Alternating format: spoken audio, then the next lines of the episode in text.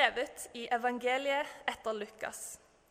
Maria sa, Min sjel opphøyer Herren, og min ånd fryder seg i Gud, min frelser. For han har sett til sin tjenestekvinne i hennes fattigdom. Og se, fra nå av skal alle slekter prise meg salig. For store ting har han gjort mot meg, han den mektige. Hellig er hans navn. Fra slekt til slekt varer hans miskunn over dem som frykter ham. Han gjorde storverk med sin sterke arm. Han spredte dem som bar hovmodstanker i hjertet. Han støtte herskere ned fra tronen og løftet opp de lave. Han mettet de sultne med gode gaver, men sendte de rike tomhendte fra seg. Han tok seg av Israel sin tjener og husket på sin miskunn, slik han lovet våre fedre, Abraham og hans ett til evig tid. Slik lyder det hellige evangelium. Hovedtemaet for denne gudstjenesten det er tjeneste, som en del av årets tema gudstjenesterekker her i menigheten. Da passer det bra at vi fikk høre en lovsang fra Bibelen fra ei som kalte seg Guds tjenestekvinne.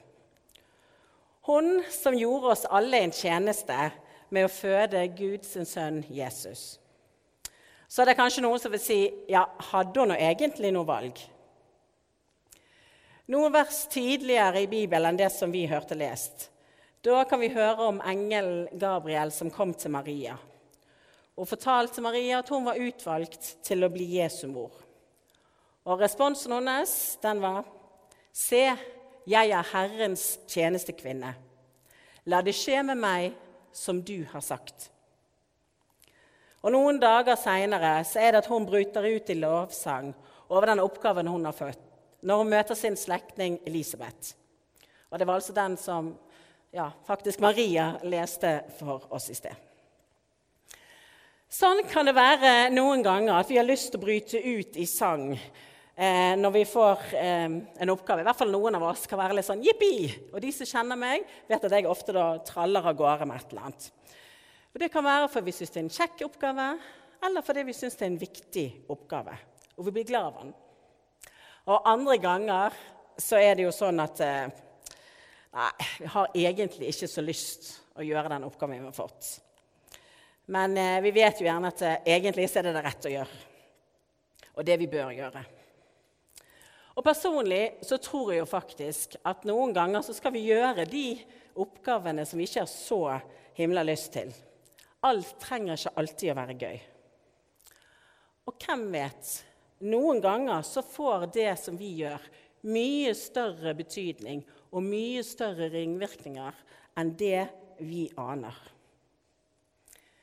Det er sikkert mange av dere som er her i dag, som eh, kan komme på eller kunne fortalt om en gang der noen gjorde noe mot dere i livet deres som fikk store konsekvenser i livet deres.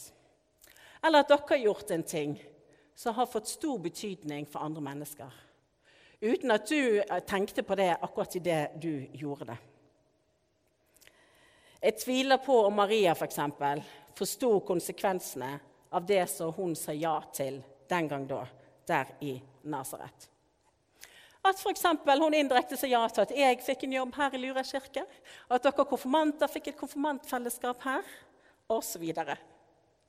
Marias tjeneste skapte nye tjenester rundt om i hele verden, faktisk. Og sønnen hun fødte, utfordrer oss den dag i dag til å tjene Gud og til å tjene hverandre. Så er dere som er konfirmanter og konfirmantfamilier her i dag, eh, fordi at dere er med på Kirkens Nødhjelp sin fasteaksjon. Det er en eh, tjeneste som konfirmanter og familier gjør hvert eneste år her i menigheten. Og det er det samme rundt om de fleste menigheter i Norge. Det er en tjeneste som vi gjør for det store fellesskapet. For mennesker som vi kanskje ikke engang har møtt og aldri kommer til møte. Vi er med på å gi, og vi er med på å samle inn penger til varig rent vann til mennesker rundt om i verden.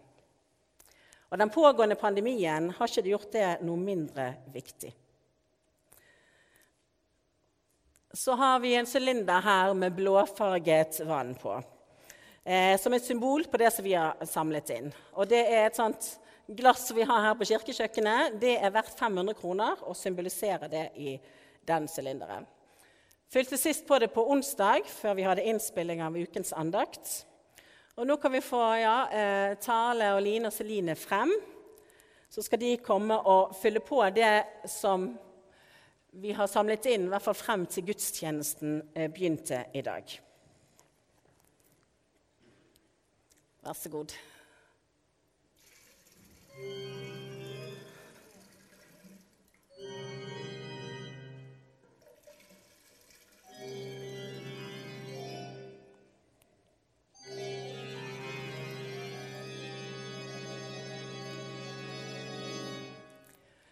Og det er tilsvarende 13 glass.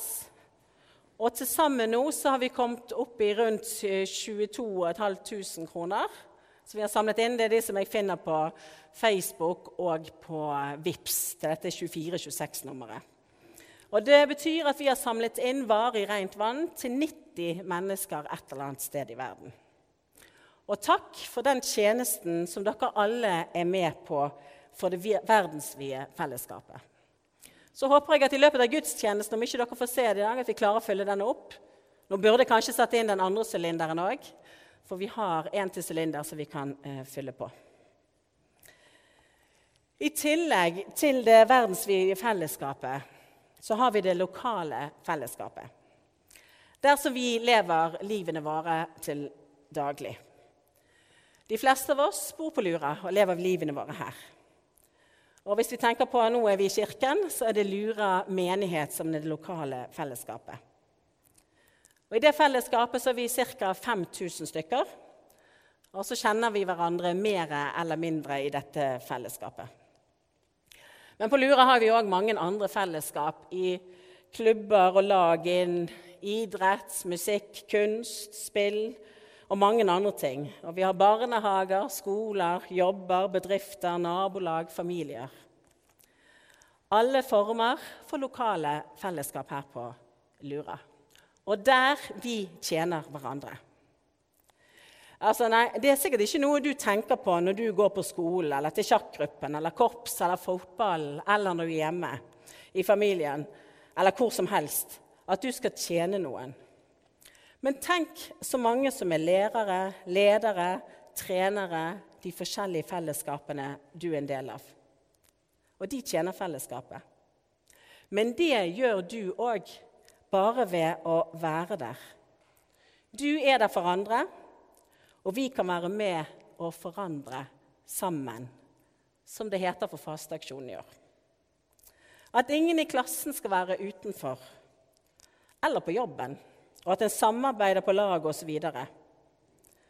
Men fellesskap og samarbeid vet de aller fleste av oss tror jeg, kan være utfordrende. Og I koronapandemien så har det vært mye snakk om ensomhet. Og det å være alene kan bety at en er ensom, men ikke nødvendigvis. Og Noen ganger så kan han aldri, føler han seg aldri så alene som når han er i fellesskapet. Derfor er det viktig at vi rekker ut en hånd til andre i fellesskapet. Selv om vi ikke alltid helt vet hvordan skal vi gjøre det. Det er ikke alltid like lett. Og så er det like viktig det å ta imot den hånden som blir rukket ut til deg.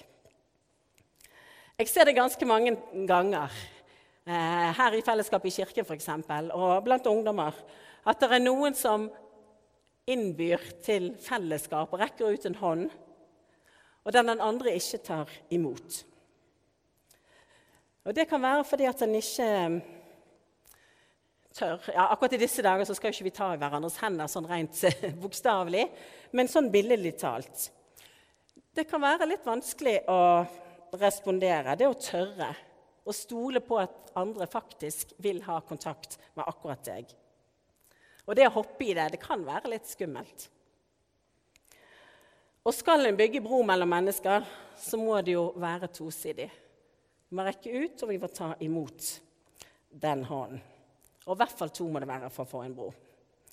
Og I fellesskap så er det å bygge bro mellom mennesker, og her i kirken òg mellom Gud og mennesker.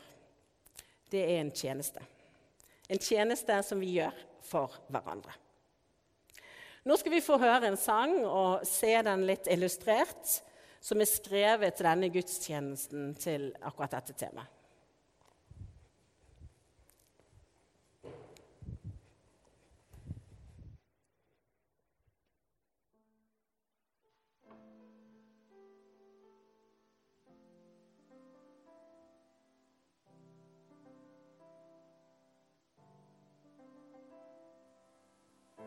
Ser deg stå aleine, trenger du ei hånd?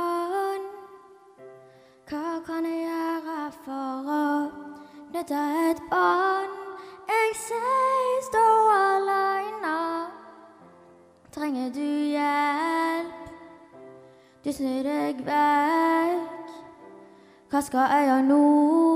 Jeg ser stå aleine, trenger du hjelp? Du snur deg vekk. Hva skal jeg gjøre nå?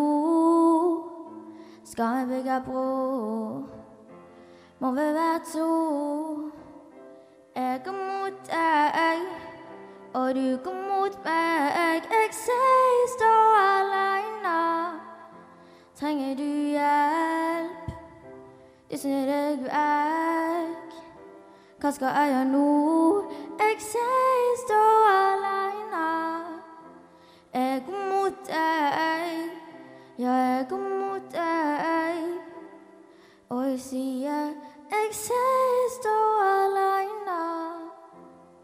du hjelp? Ikke snu deg vekk igjen.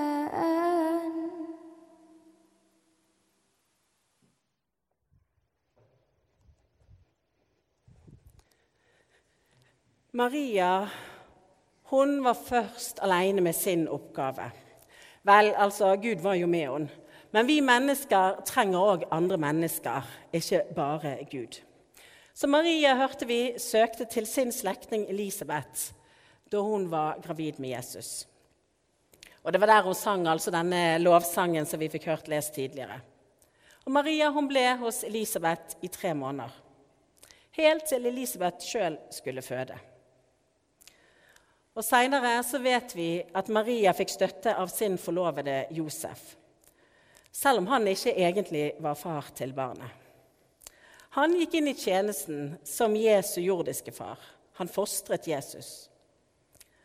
Og Josef han gjorde jo en tjeneste som ikke alltid ble trukket så mye frem i kirken, men som var viktig. Og sånn er det jo veldig mange tjenester viktige selv om ikke vi tenker eh, over det. Eller ikke ser, at ikke det er så mange som ser den tjenesten som blir gjort. Så er vi her på gudstjeneste i dag. Et sted der vi tjener Gud med sang og takker for bl.a. og med å være for her for hverandre i fellesskapet. Og så er det noen her i dag som har tjeneste å lese tenne lys, dramatisere, spille, styre lyd her bak osv. Få ting opp på skjermen. Og I gudstjenesten så tjener òg Gud oss. Han lytter, trøster, gir håp og energi. Og I nattverden, som vi skal få feire seinere, så gir han oss nye krefter. Nye krefter til å leve, fortsette med å leve livet vårt og som presten alltid avslutter gudstjenesten med Gå i fred og tjen Herren med glede.